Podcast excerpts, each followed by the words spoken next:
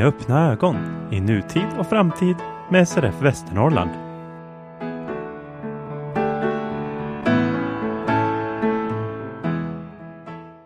Välkomna till det första avsnittet av Synskadades riksförbund Västernorrlands podcast med öppna ögon. Det här är ett nytt grepp vi tar och vi i sammanhanget är distrikt Västernorrland i det här sammanhanget representerat av poddens redaktionsutskott. Till vänster om mig sitter Kristoffer Tellin, hallå! Hej hej! Och bortom för dig sitter Frida Kalander, hej! Hej! Vi ska presentera oss själva alldeles strax, men jag kanske börjar att ställa frågan till dig, Kristoffer. Podcast, vad är det och varför ska vi testa det i SRF Västernorrland? En podcast är ett slags radioshow som man kan lyssna på via internet.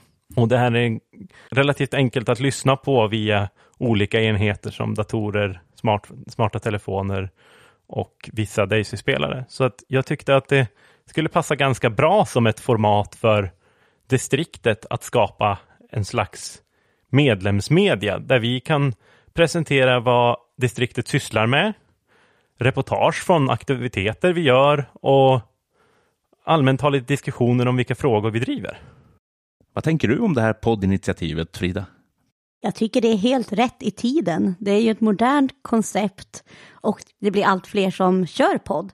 Så jag tycker det är bara jätteroligt att vi hakar på och ser vad vi får för respons också. Vi ska säga några ord om oss själva också så ni vet vad det är för figurer som pratar till och med er. Kristoffer Thelin, vi börjar med dig. Vem är du? Ja, eh, jag är då ordförande i SRF Västernorrland. Och här i podden så fungerar jag som dess editor och producent. Vad mer vill du säga om dig själv? Än så länge 29 år gammal. Arbetar som programmerare och är väldigt tekniskt intresserad och brinner extremt mycket för att eh, förbättra tekniken för personer med synnedsättning och förbättra personers synnedsättningskunskap och förmåga att använda teknik. Frida Kalander, vem är du? Jag är också 29 år gammal, jobbar som ombudsman för SRF Västernorrland och på fritiden så är jag arvoderad ordförande för Unga med synnedsättning som jag har varit sedan juli 2019 och kommer vara till juni 2023 om det inte händer något oförutsett. Så att ja, det är lite om mig.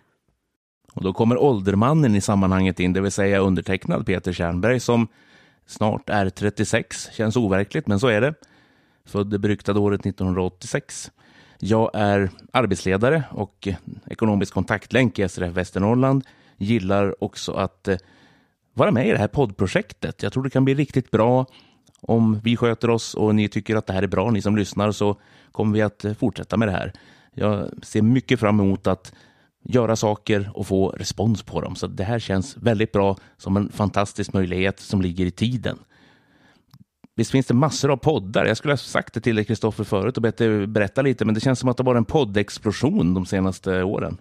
Ja, absolut. Eh, podcasten som format kom, tror jag, 2004. Men jag tycker fortfarande att det är ett format som håller och i, i podcastvärlden kan nog nästan alla hitta någonting och lyssna på och följa som de kommer att uppskatta. Och jag hoppas att vi kan bidra till det för SRFs medlemmar. Det tror jag vi kommer att göra. Vi siktar ju på en väl mixad podd.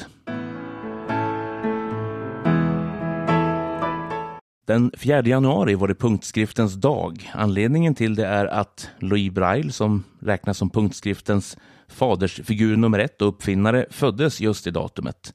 Vi kommer tillbaka till hans historia, men jag är lite nyfiken på er relation till punktskrift. Vad säger du om den, Kristoffer? Ja, jag är ju själv punktläsare och har varit det hela mitt liv. Så jag började ju lära mig punktskrift när jag var sex år gammal, redan på, i förskoleklass och använde punktskriften dagligen i både mitt arbete och min fritid. Men jag ska också säga att eh, jag under min uppväxt hade problem att delvis förstå varför jag skulle ha den. När man började plugga på gymnasiet och universitetet och sen började jobba så försvann all tveksamhet till vad punktskriften är användbar för. Frida, du är inte helt blind men synsvag. Hur kom punktskriften in i ditt liv? Jag lärde mig punktskrift regelbundet fram tills årskurs 6. Då hade jag en speciallärare som tog ut mig från klassrummet och satt individuellt med mig och tränade punktskrift. Eh, jag tror det var ungefär en gång i veckan vi körde. Och det var jättebra, men eh, till slut så bytte jag ju skola och började högstadiet. Och då fanns det tyvärr ingen pedagog som kunde ta det här vidare. Och jag hade inte tillräckligt med motivation för att sätta mig själv och göra det. Utan jag behövde att någon pushade på mig och eh, ja, såg till att det blev gjort helt enkelt. Så att eh, sen dess så har det ju blivit mer att jag har nytta av det i vardagen när det kan vara svårt med, ja men där synen inte räcker till. Till exempel i en hiss så kan jag känna mig fram vilken våning jag ska trycka på om det är för mörkt för att se. Och jag kan också ha hjälp av det till exempel på medicinförpackningar. Om man inte ser vilken dos det är så kan man känna sig till det på många idag. Så att eh, ja, det är lite vardagspunktskrift och jag är väldigt glad att jag har fått lära mig det och försöker att hålla liv i det så att man inte tappar det helt. Jag håller bara med om det ni har sagt. Jag är också barndomsblind och lärde mig punktskrift som sexåring. Fick börja då traggla bokstäver med eh, min synlärare.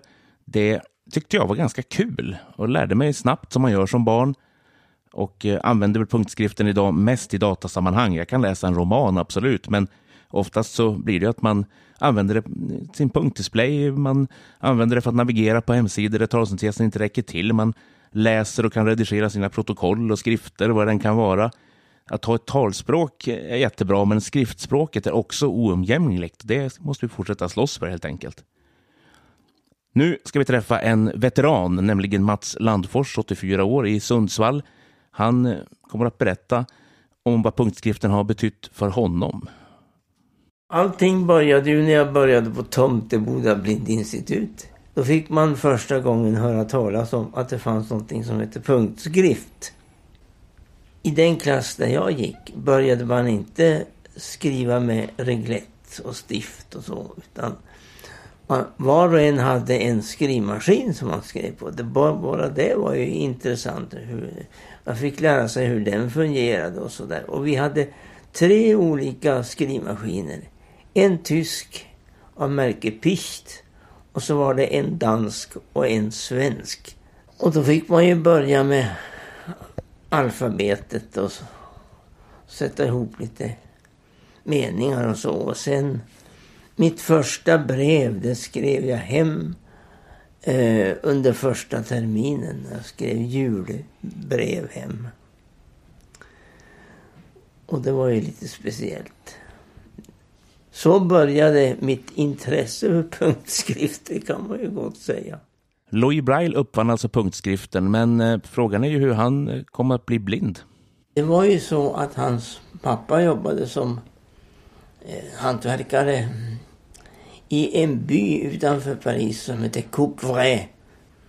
Louis Braille var nyfiken av sig och han ville gärna vara i pappas verkstad när han var där. Och redan vid treårsåldern så kom han in på verkstaden och, och ville veta vad pappa höll på med. Och så råkade han få tag på en syl och skadade sitt ena öga. Och tyvärr så vart det en ganska besvärlig infektion av detta som sedan spred sig till det andra ögat också. Så att han, vart, han förlorade synen på båda ögonen.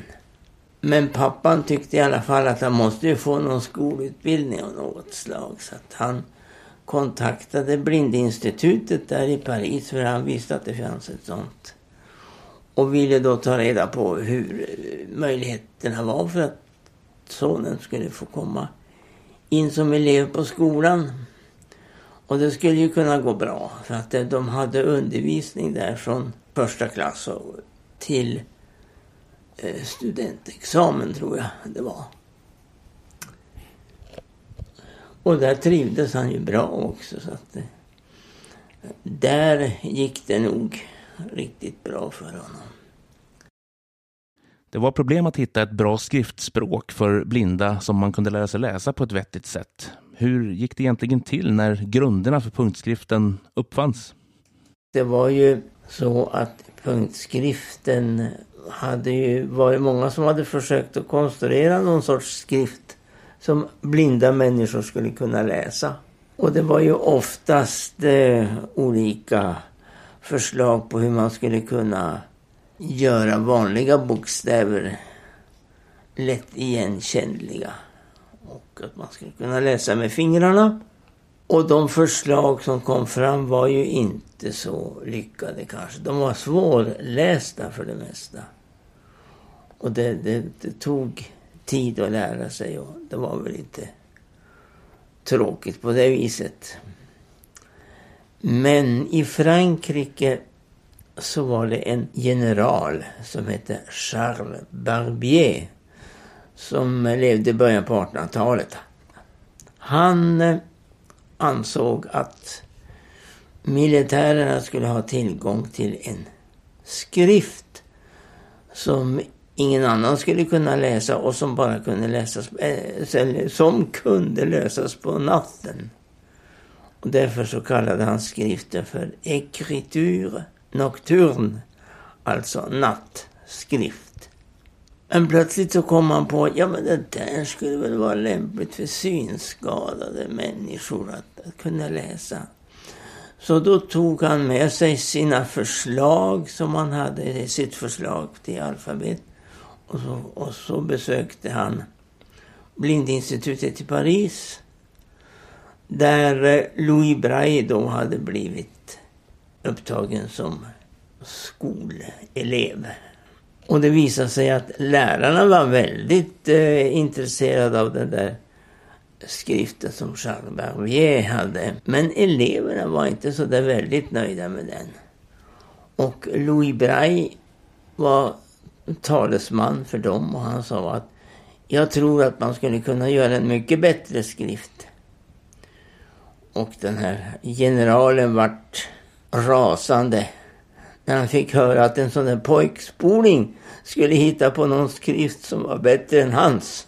Men så blev det. När Louis Braille var 16 år, då hade han börjat utarbeta sin skrift och presenterat det för sina kamrater, sina elever i skolan. Och det visade sig att de var väldigt nöjda med den. Lärarna tyckte inte om den. För de tyckte att punktskriften skulle vara åtminstone lite grann besläktad med vanlig skrift. Vad har punktskriften betytt för dig i ditt arbete, Mats? Första tiden så skrev jag på en elektrisk skrivmaskin. Och då visste jag ju egentligen inte riktigt vad jag skrev alla gånger.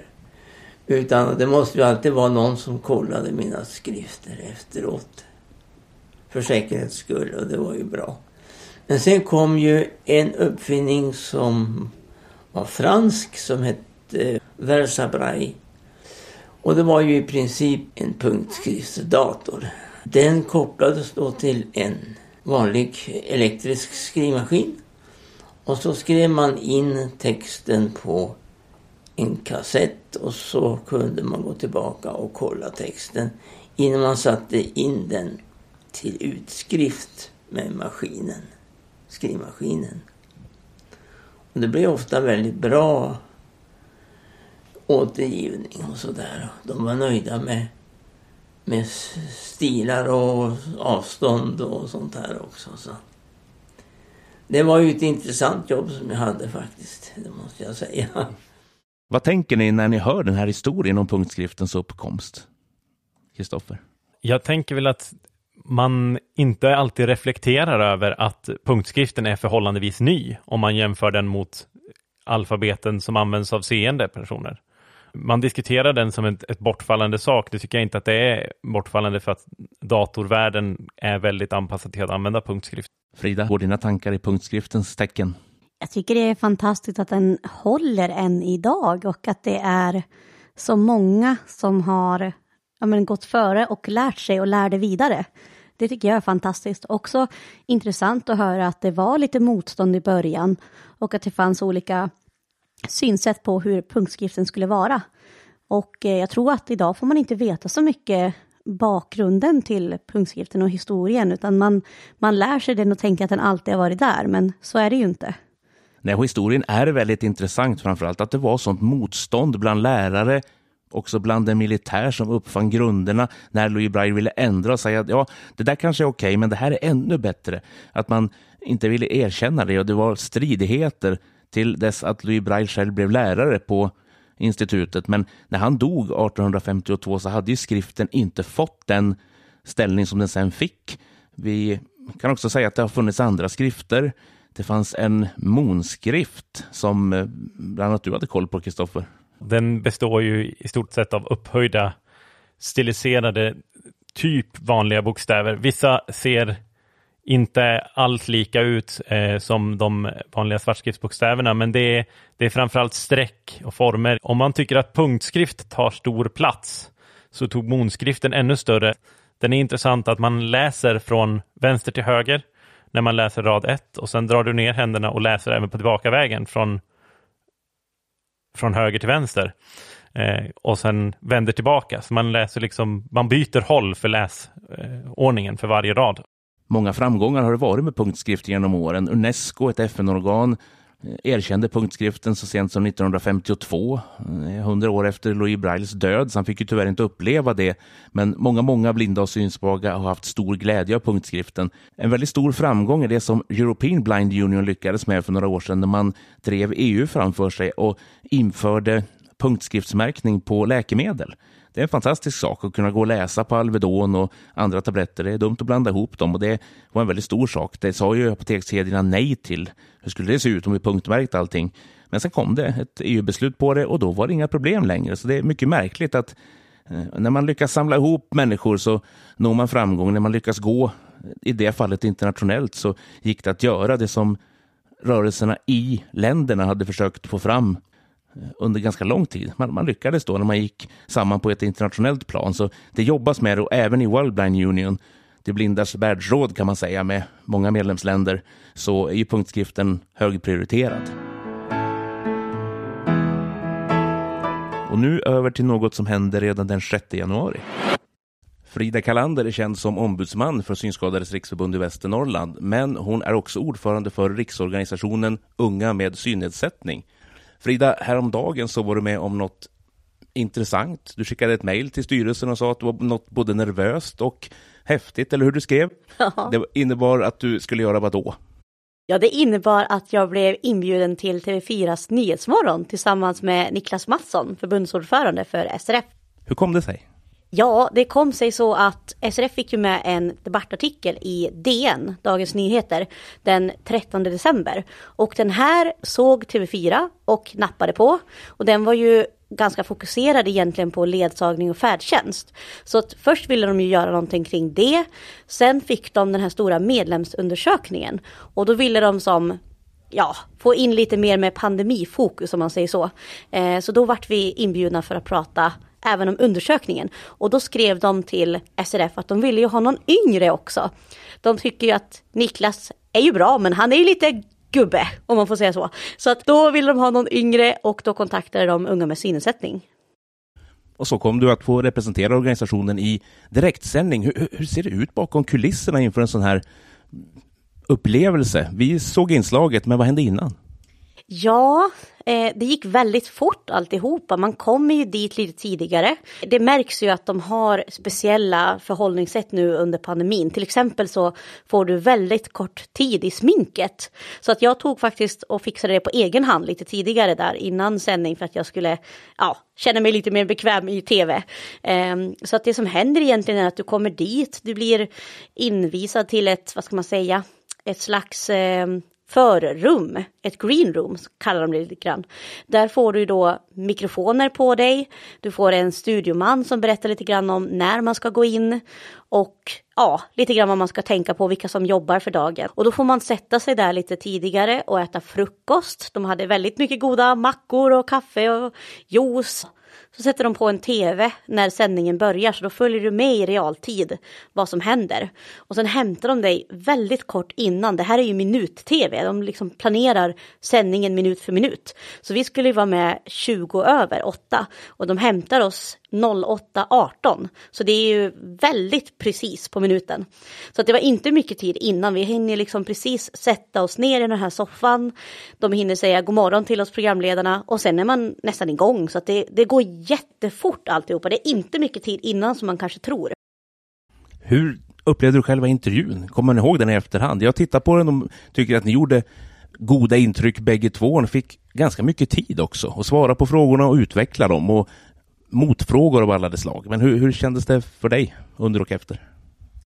Ja, alltså där och då var det ju, det var ju såklart väldigt pirrigt och man får ju alltid lite tunghäfta i sådana här lägen. Men, men jag tycker det gick väldigt bra. I efterhand kan jag tycka att det är lite synd att det blev väldigt mycket pandemifokus, vilket är inte konstigt med tanke på läget just nu i samhället. Men jag menar, våra problem är ju inte bara pandemirelaterade. De har ju funnits innan det och kommer finnas efter det också.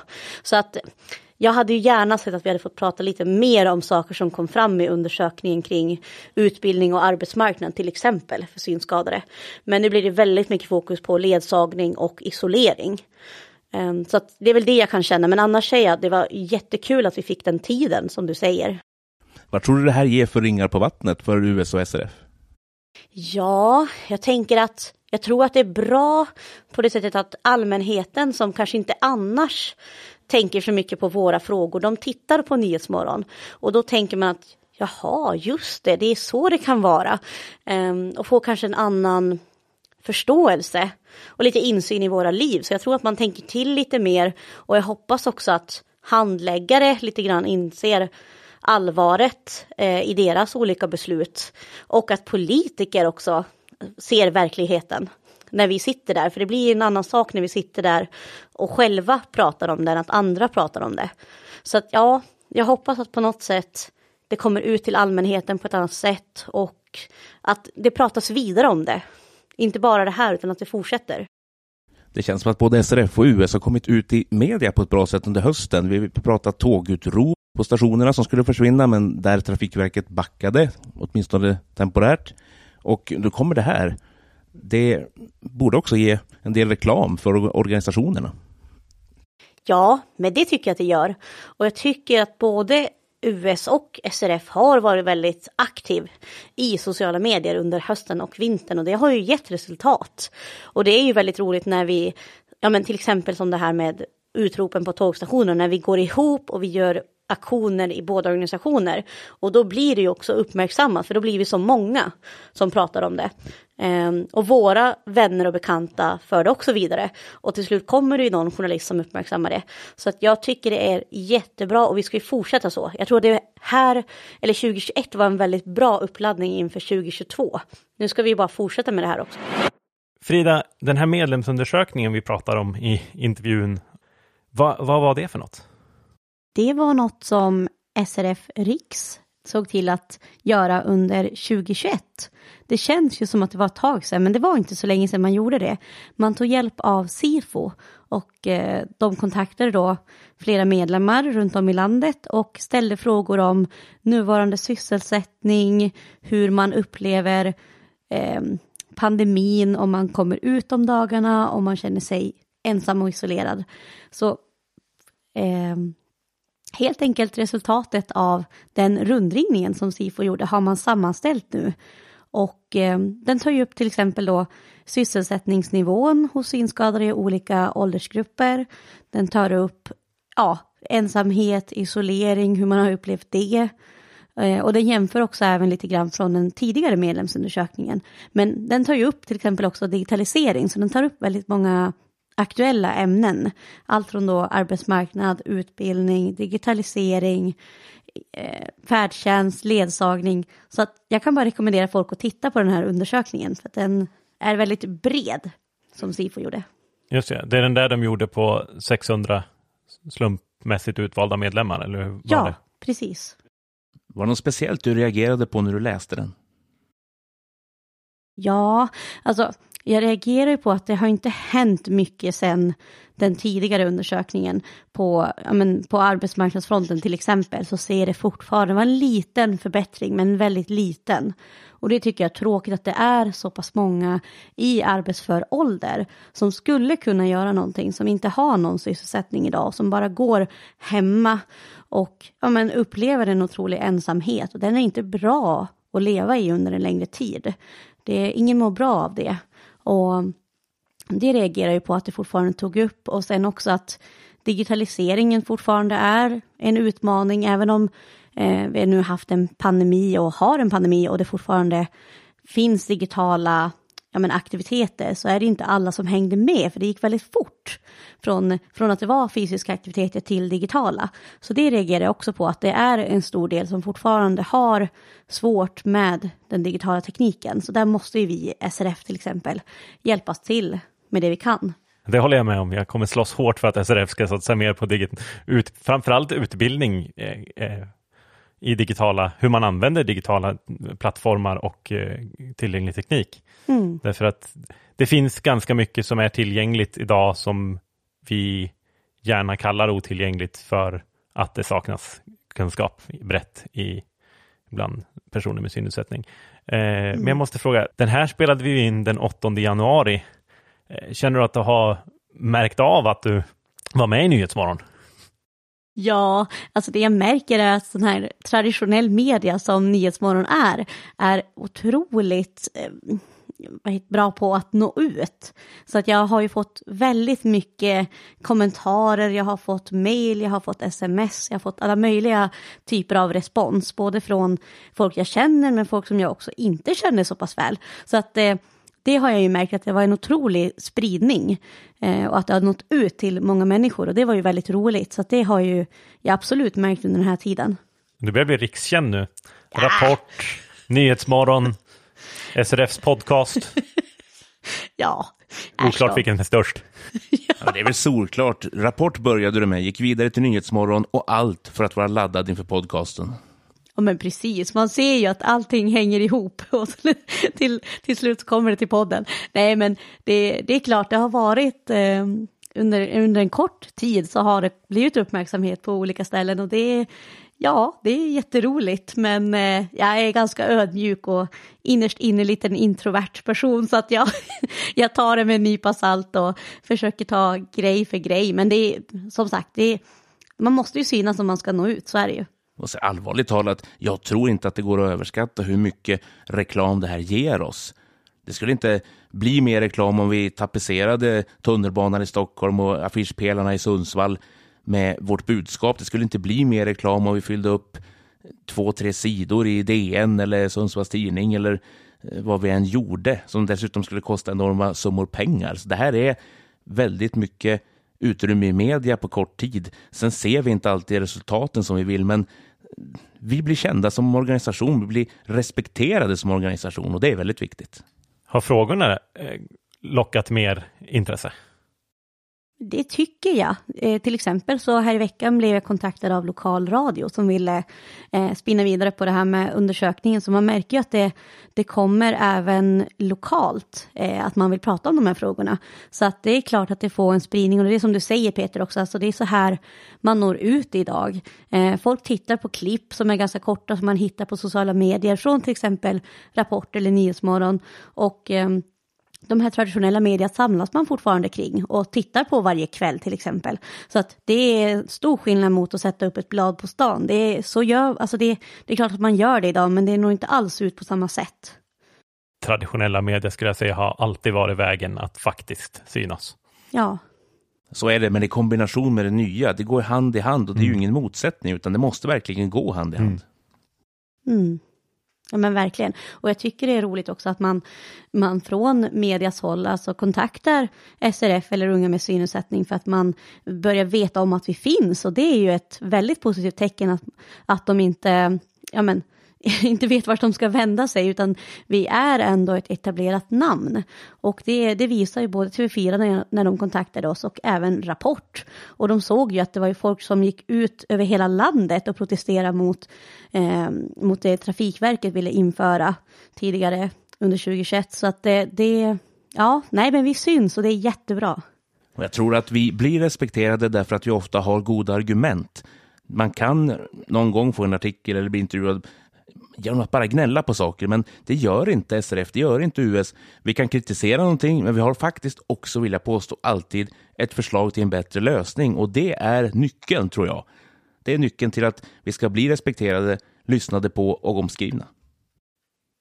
Absolut, och vi har ju både goda exempel och sämre exempel som vi, som vi kan ta upp och då blir det ju konkret också. Det blir inte bara en statistik eller en siffra utan oftast kan vi visa personporträtt eller inslag med, med eh, någon som har ja, men, drabbats av att bli nekad till exempel färdtjänst eller ledsagning och personen själv får berätta det här innebär det för mig. Och då tror jag att folk lyssnar mer och tar till sig att man bara ser neddragningssiffror eller så, utan man måste se människan som faktiskt berörs av de här besluten. Och det är det journalisterna vill ha också, exempel på personer som blir drabbade på olika sätt. Och det kan man ju förstå, för det, det tar mer att bygga en historia runt det, att skildra en persons sämre levnadsvillkor jämfört med en person som är, i det här fallet, fullt seende. Så det, det är förståeligt att man vill ha det också. Sen har vi ju faktiskt varit, vi ska inte ha så mycket självskryt, men det är ett spännande resonemang. Vi har varit bra, och då menar jag hela riksorganisationen US och hela SRF också, oftast på att föra ut vårt budskap och ibland när vi inte har blivit lyssnade på. För några år sedan så skulle man plocka bort handikappersättningen, schablonen. Då lyssnade inte eh, regeringen på oss. Man hade inte tid att prata med oss och då drog vi igång kampanjer i media, då drog vi igång manifestationer på Mynttorget och förde ett väldigt oväsen och till slut så blev schablonen kvar. Den gången lyssnade man inte på oss, man ville inte ha dialog och då agerade vi utomparlamentariskt. Det har hänt flera gånger. US var ju fantastiska när ni vräkte ut telefonkataloger på Telias parkering. Nu finns inte katalogerna längre, men då för tiden var det ju snack om att man ha gratis nummerupplysning. Och det kom med i rapport det också. Det är nästan det enda inslaget eh, som funktionshindrade förekommer under hela 80-talet. Det kom med för det var spektakulärt och tydligt. Det förklarade, här får ni tillbaka er katalog, vi kan inte läsa den, ge oss gratis nummerupplysning. Och det kom också i flodvågen efter det.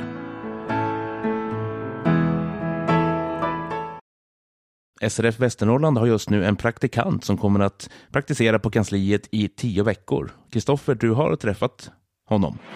David Hägglund, ny praktikant här på SRF-kansliet. Kan du berätta lite grann om varför du vill praktisera här?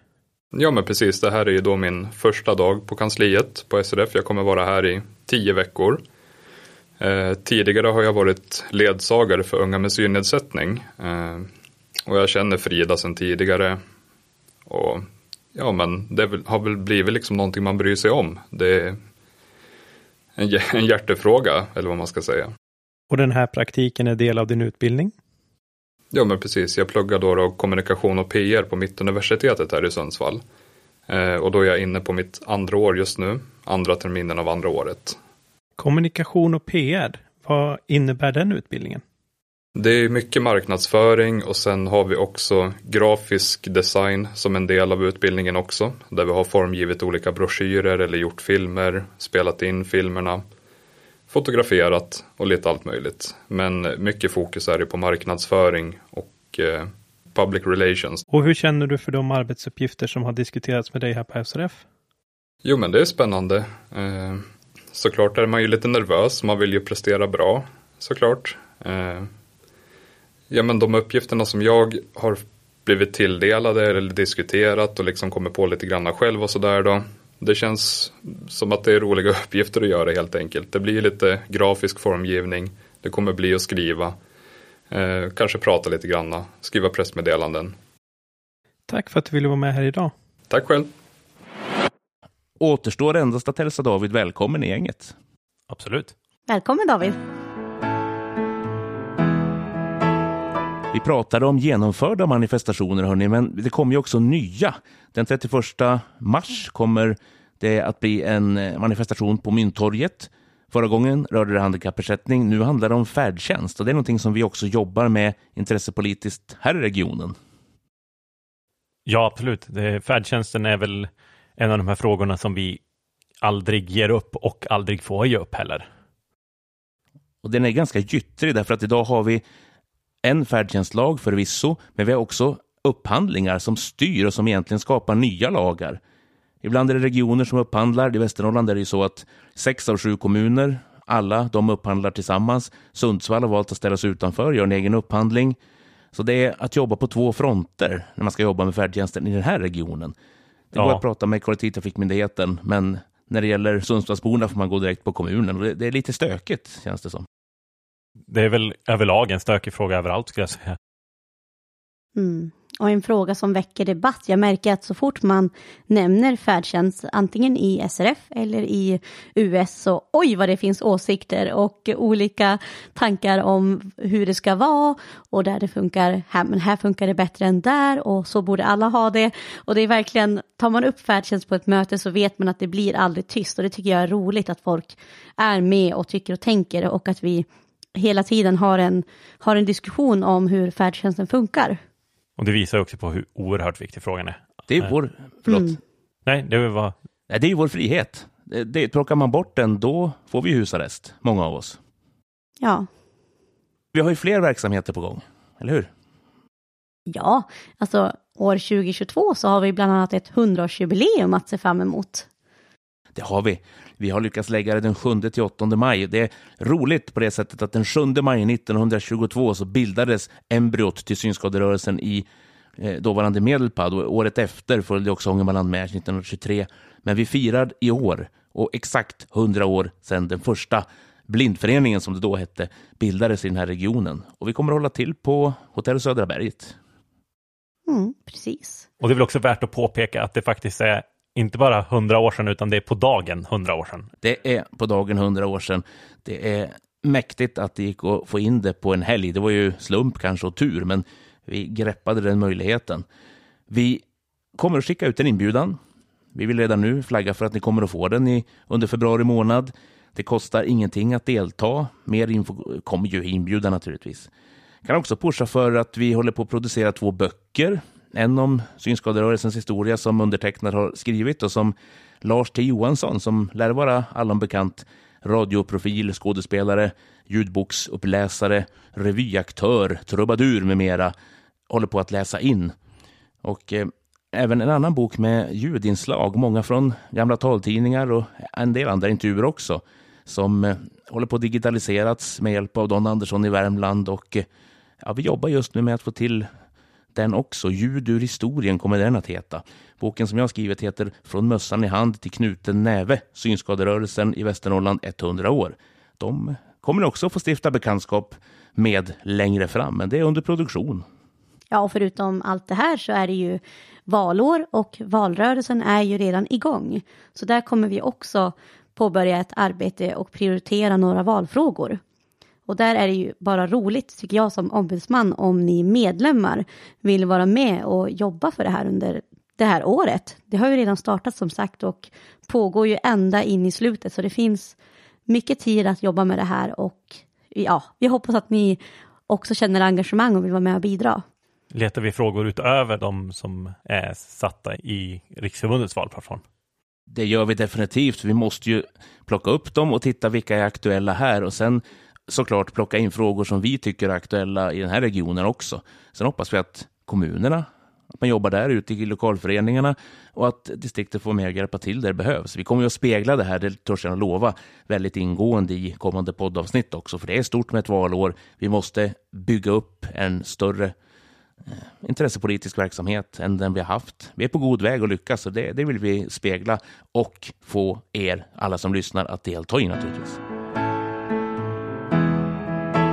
Vi vill ha tvåvägskommunikation med er lyssnare. Det betyder att vi vill ha kontakt med er, vi vill få in synpunkter på hur vi beter oss, hur inslagen är, om ni saknar något, vilka idéer ni har och inte minst inför valet är det jätteviktigt att vi har en levande dialog.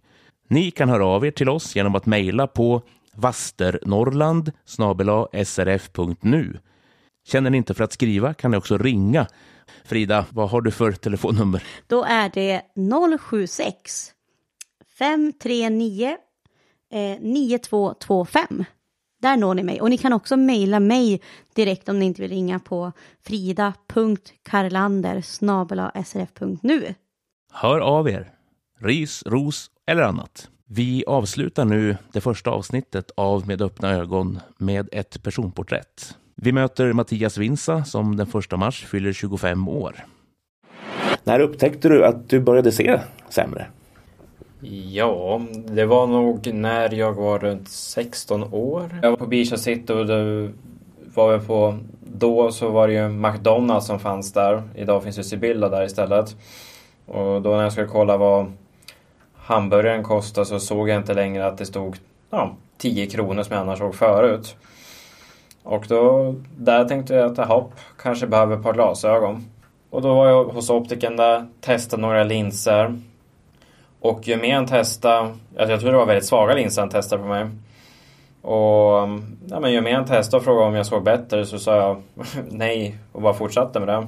Och då trodde jag han för sig och skämtade med honom. Men eh, till slut så tyckte de att det här bör vi kolla upp. Och då gav han mig spelförbud.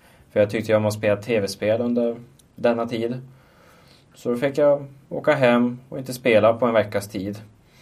Sen när jag åkte tillbaka dit så ja, var det synen lite sämre än vad var veckan innan. Och då tyckte de att det här behöver nog åka in med. Och där började väl resan med sjukhusbesök i både Sundsvall, Umeå och Härnösand och lite magnetröntgen där man fick höra att det fanns alternativ mellan hjärntumör, MS eller en ovanlig ögonsjukdom. Och turen oturen var väl att det enbart var en ögonsjukdom.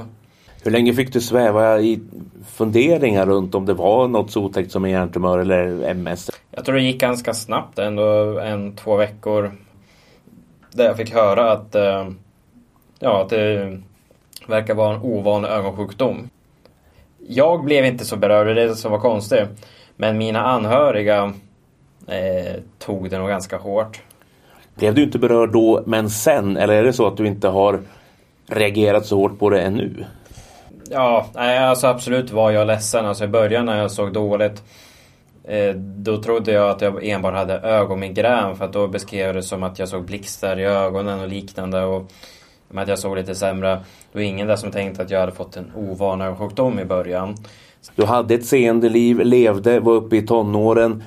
Det måste ha förändrats oerhört också. Att du blev mer hämmad, vad händer med kompisar? Den här aspekten som jag som själv är barndomsblind aldrig har behövt gå igenom eller fundera på egentligen. Blev, blev det ett annat liv efter det här eller blev mycket detsamma trots att synskadan kom? Jag tror i tidpunkten där jag tappade så blev det väl väldigt kritiskt. Det är nu man är ute och testar saker och man vill titta på fina tjejer och uh, kanske ta körkort snart. Och, men det är mycket så här som bara... Ja, det är väl... Alltså om det är någon gång man tappar där det kanske påverkar som mest, det är väl kanske under eh, tidiga vuxen Alltså inom ungdomen där, alltså i 16-årsåldern. Alltså där livet skulle typ börja på riktigt. Och eh, jag hade ju lärt mig hur man hanterar livet på ett seende sätt. Eh, och sen att helt plötsligt kastas om och leva med en synskada. Vad hände sen när du fick din ögonsjukdomsdiagnos och vad är det för ögonsjukdom till att börja med? Sjukdomen heter LON, L-H-O-N. Och jag vet att första bokstaven är Lebers, sen Herikatära och sen de andra två kan jag inte så mycket. I början när detta skedde så började man väl anpassa sig sakta att eh, det, tog energi av en att se dåligt. Hur gör man nu? Jag var ljuskänslig och ja, men, kanske fastnade ganska mycket hemma ett tag där och inte vågade se ut på samma sätt. Fick, fick, du bra stöttning ska jag stoppa in här? Alltså kom du till synrehabiliteringen? Träffade du andra unga eh, som också var synskadade? Eller vad gjorde samhället och hur mycket fick du göra själv för att söka kunskap? För att komma in i någon slags sammanhang där man förstod vilken hjälp som fanns att få? Och sådana saker. Alltså jag tyckte inte, alltså Samma kunde erbjuda att kunna prata med en kurator och liknande men jag tyckte inte i sig att det hjälpte så mycket för mig. Alltså jag tyckte ändå att kunde man hantera tillvaron. Eh, jag fick ju kanske inte träffa folk inom SRF eller något liknande i början. Jag visste inte riktigt vad det var för någon organisation. Och sen råkade jag finna att oj, det är ganska nyligen har startats en förening som heter LON. Och då kontaktade hon där och, och då fick man träffa lite folk och samtala och jag menar, en liten situation. Så det var väl där jag började väl min synskaderesa inom LOM-föreningen. US därefter. Och då fick jag väl testa att åka på en US-aktivitet bara för att se vad det är för någonting. Jag tog väl med mig en kompis där också för jag var väl lite lagom skeptisk att jaha, varför ska jag hänga med en massa andra synskadade för? Tycker jag väl onödigt. Då har ni en vanlig ingång att man funderar, vad ska jag vara med där? Jag är väl inte riktigt synskadad eller vad, vad är det för, för gäng? Ja, alltså och när jag väl kom dit så kanske jag hade en attityd, jag vet inte om det var fel av mig, men tänkte att det här var ju nog lite av ett gäng muppar. Men jag tyckte väl om ändå lite att man kunde vara sig själv med synnedsättning där också som gjorde väl att eh, sakta men säkert drog ner garden och tyckte väl det var trevligt att få träffas där lite. Och där fick jag, om man jämför med LON-föreningen, för jag är en av de som ser sämre i LON-föreningen. Där ser ganska många 5 eller 10 procent. Och jag ser ju cirka kanske 1 eller 2 procent idag. Eh, och i US där fanns ju alla varianter. Alltså vissa var ju helt blinda och vissa såg tunnelseende och, och vissa såg mycket bättre än mig. Men det var, fanns en annan bredd där och där fick man väl lite mer perspektiv på att okej, de här verkar kunna klara sig fast de ser mycket sämre än mig. Och så småningom fick du, eller ganska snart skulle jag säga, komma in i styrelsen i US Norr och ta för dig där. Jag tror de var nog lite desperata i US för det var nog bara en i styrelsen där och då fick man för första gången höra någon valberedare försöka locka en där och där den sa att den hade hört gott om mig och jag bara jaha, det har du. När kan det här ha varit? 2016? Ja. 2015 var jag på sommarläger. Eh, sen, sen under hösten var jag på någon utbildningshelg i Örebro. Och sen när jag skulle på mitt första årsmöte. Jag visste ju inte vad det här innebär och så det, det kändes som en stor grej. Men det var ju mycket litet årsmöte. Vi var, tror jag, två röstberättigade. Och, men det var en bra början och vi blev en styrelse på tre personer. Och jag tror jag började som en vice ordförande och visste inte alls vad jag hade gett mig in på. Men eh, ja, sakta men säkert fick man testa där och klättrade väl upp och blev väl ordförande efter ett halvår. Och sen har vi suttit där i US Norr tills idag i alla fall. Och det känns som att US har betytt mycket. Dels har du fått utveckla föreningsengagemanget och träffa kärleken.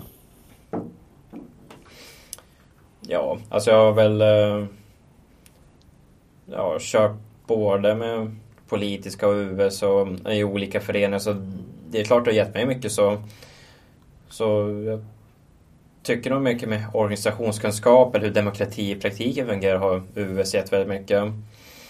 Och som du frågar, jag råkar funnit kärleken där också så det har gett lite grann kan man säga. Vi kan väl avslöja att vi är tillsammans med eh, Frida Kalander som ju är bekant för den här poddens lyssnare i och med att hon också är ombudsman i SRF Västernorrland och inte minst ordförande för hela riksorganisationen Unga med synnedsättning. Ja, så kan det vara. Det var veckans skop, eller det här avsnittets skop kanske.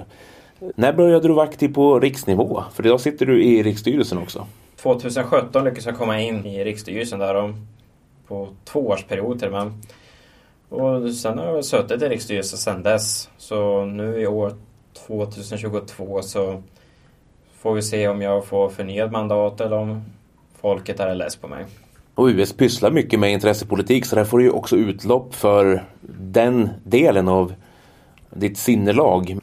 Ja, jag gillar ju möten och när man får till någon förändring och bara större förståelse hur fungerar samhället.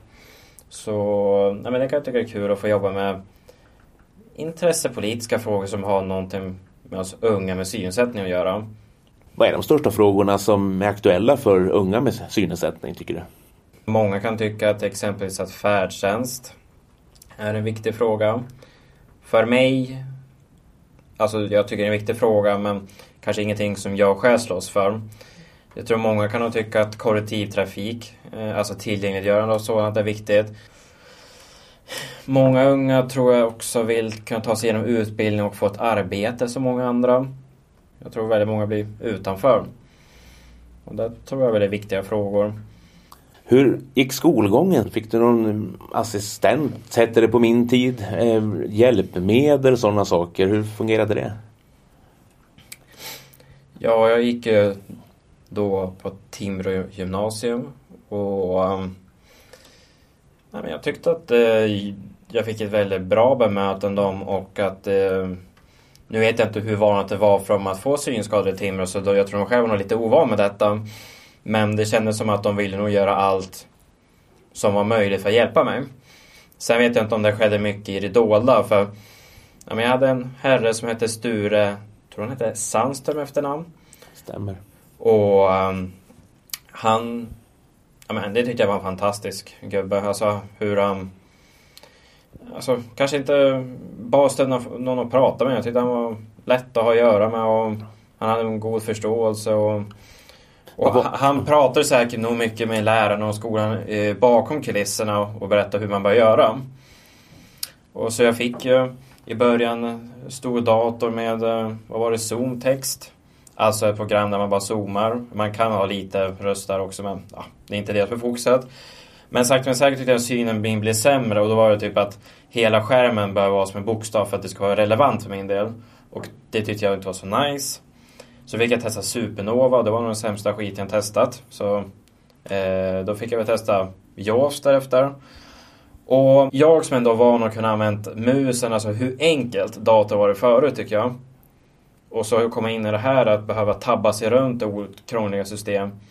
Så jag var ju nära några gånger att kasta datorn i väggen och skippa det. Så mitt sätt att ta sig igenom gymnasiet var att jag hade ju råkat bli ändå ganska okej okay på att hantera iPhone med voiceover. Och då tänkte jag, men då kan jag köra iPad med tangentbord till. Och med den så kom jag igenom det ganska bra. Och med ganska enkla korrigeringar att om ni skickar mail till mig så kan jag nog göra det mesta inom gymnasiet. Och jag gjorde ganska mycket muntligt där i början också. I efterhand kanske jag hade velat att de gjort, ställt mer krav på mig. För nu när jag typ pluggar på universitet och liknande så kanske det hade hjälpt mer för mig att bara skriva mer eh, på yngre dagar. När jag tappade synen där. Men då för stunden så tyckte jag det ändå var skönt att jag fick göra mycket muntligt och att det ändå gick bra för mig. Vilka favoritämnen hade du då? Samhällskunskap, historia, sociologi och kriminologi och sen uh, hade jag väl med svenska som jag tyckte var lite småtrevligt också. Vad sa du linjen hette som du gick? Jag gick uh, samhälls med beteendeinriktning. Och då hade man psykologi och liknande som ja, men, ämnen som var större fokus på. Och trots den här vägen så har, har, du gått vidare för du flyttade till Umeå efter gymnasiet och läste, jag minns inte vad du började läsa. Du kom att jobba sen men, men du läste, var det parallellt eller var det att du började läsa och sen gick in på ett arbete? Jag var väl lite järv där och tänkte att även om jag har synnedsättning så kanske att jag vill gå emot normen, många som bor här i Sundsvall och Timrå-trakten. Ja, jag är ju uppvuxen här i Sundsvall och Timrå. Och det, de som vill plugga vidare här väljer nog ganska ofta Mittuniversitetet. Och då tänkte jag att jag vill en annan väg och få testa på något nytt. Att det blir en utmaning som mig som person på ett annat sätt. Och då kom jag in till samhällsvetarprogrammet, lyckades jag komma in på i, uppe i Umeå. Och I början tyckte jag det gick ganska bra. Men att, som jag nämnde nyss, att jag kanske hade börjat träna mer på det skriftliga och även att kunna hantera dator. För att jag fick börja om på ruta ett lite som 16-17 år med att kunna använda dator igen. Och det gjorde att det var lite krångligt för mig hur jag skulle kunna klara av studierna. Ja, efter en och en halv termin råkade jag väl tyvärr misslyckas med min första utbildning vilket var väl en liten slag i magen. Men sen var det ju val och då hade jag väl turen att komma in på arbete under sommaren för Liberalerna där uppe i Västerbotten. Fick man jobba med det lite. Sen tänkte jag att jag som har synnedsättning, jag kan väl hjälpa andra och då borde arbetsterapeut vara bra. Så då testade jag söka till det och kom in på det i Umeå. Det eh, var nog ganska sämst utbildning och jag tyckte ironiskt nog att de hade mycket fördomar och konstigheter för sig där på arbetsterapeututbildningen.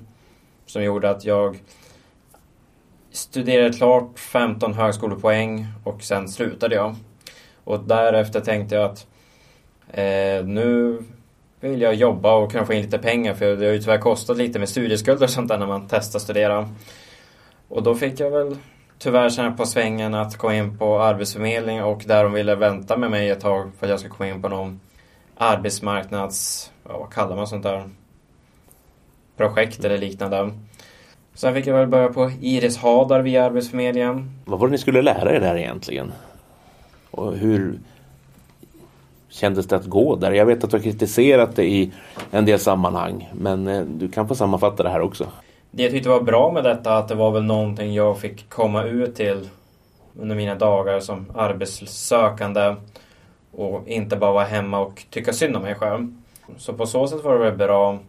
Men Arbetsförmedlingen hade väl typ lovat mig mer att jag skulle få vara på någon ställe där jag skulle få ha tid och lägga energi och lära mig hantera dator. Och det fick jag ju lite där, men samtidigt sa de att det inte det som var att jag var där för. Så ja, efter några månader så tyckte jag att det blev ganska enformigt. Jag kom ingen vart, det bara stampade. Så jag skrev ju då bara till Umeå kommun och Hej, har ni någon praktikplats för mig eller något sådant? Jag kan föra mig i olika sammanhang och ja. Och då fick, var det en chef där som trodde på mig och ville testa med mig där och då fick jag komma in i eh, vårdbranschen, om ska kalla det för. Eh, så fick jag jobba inom funktionsinventorien där i Umeå och fick jobb där till slut också för att jag gjorde bra jobb. Och sen gick du vidare. Ni flyttade till Sundsvall 2021 och du började studera igen. Ja, eh, jag jobbade ju ett tag och eh, ja, min sambo fick ju jobb här på SRF för ett tag sedan och eh, hon hade ju kansli i Härnösand och ehm, så då, hon var väl mer sugen på Härnösand och jag var mer Sundsvall och ja, jag lyckades väl få igenom till slut att jag tyckte Sundsvall var kanske roligare för ungdomar att flytta till, än till Härnösand. Och då lyckades jag komma in på eh, utbildning faktiskt här på Mittuniversitetet som jag ville hålla mig ifrån för några år sedan. Eh, råkade hamna igen då till slut. Och då, jag som är intresserad för samhällskunskap och historia tänkte jag lärare kanske kan vara ett bra och konkret utbildning att ta sig igenom. Så då läste jag som ämneslärare med historia och samhällskunskap här på Mittuniversitetet. Högstadie, gymnasium eller universitetsnivå du siktar mer på? Som ämneslärare så läser man ju för gymnasium är det. Mm. Men man kan jobba på för högstadiet också. Så högstadie gymnasium, men det är gymnasiet helst där jag vill vara på. Hur lång är den här utbildningen? Typ fem år. Jag är klar med en termin så jag har väl bara nio kvar kanske. Hur ställer synnedsättningen till den här utbildningen? Eller gör den inte det alls? Eller har det varit krångligt med litteraturen? Eller finns det andra saker praktiska som ställer till det för dig? Eller fungerar det tämligen väl? Alltså jag tycker, alltså det är nog en ganska vanlig utbildning vilket gör då att många av dessa böcker nog finns inläst och jag tycker det har funkat rätt bra för mig hittills. Men det är väl mycket det basala runt om. Hur hittar jag till klassrummet på ett enkelt sätt? Hur eh, kan jag få information på samma sätt som andra utan att ta massa energi? Och, så det är väl mycket små saker runt om som jag kan tycka är lite småkrångligt. Men vi får ju se nu hur det blir framöver när det blir mycket SAS-tentor och ännu mer att läsa och skriva och långa mängder. Och... Så... Men hittills tycker jag ändå att det funkar bra. Vi får göra en uppföljning på det här och se hur det går för dig. För innan vi slutar måste jag också fråga, vad mer vill du uppnå i livet? Alltså jag tänker, om jag ligger där i dödsbädden och tittar tillbaka på tiden så Eh, vill man väl gärna ändå känna att jag har väl mått bra och att jag nog inte har ångrat så mycket av mina handlingar som jag valt i livet. Men självklart vore det en bonus tycker jag om man har lyckats åstadkomma någonting som ändå gör att folk kanske minns en för någonting. Eh, exempelvis kanske att man gör någonting bra inom synskaderörelsen, att man lyckas göra någon skillnad som ändå ger mycket för andra. Eller kanske blir någonting i politiken framöver. Jag vet inte om det är stora tankar om en själv men... Frågan var ganska stor så då får man ungefär de svaren men det tror jag är bra, sätt, bra sammanfattning och ett sätt att knyta ihop det hela i alla fall.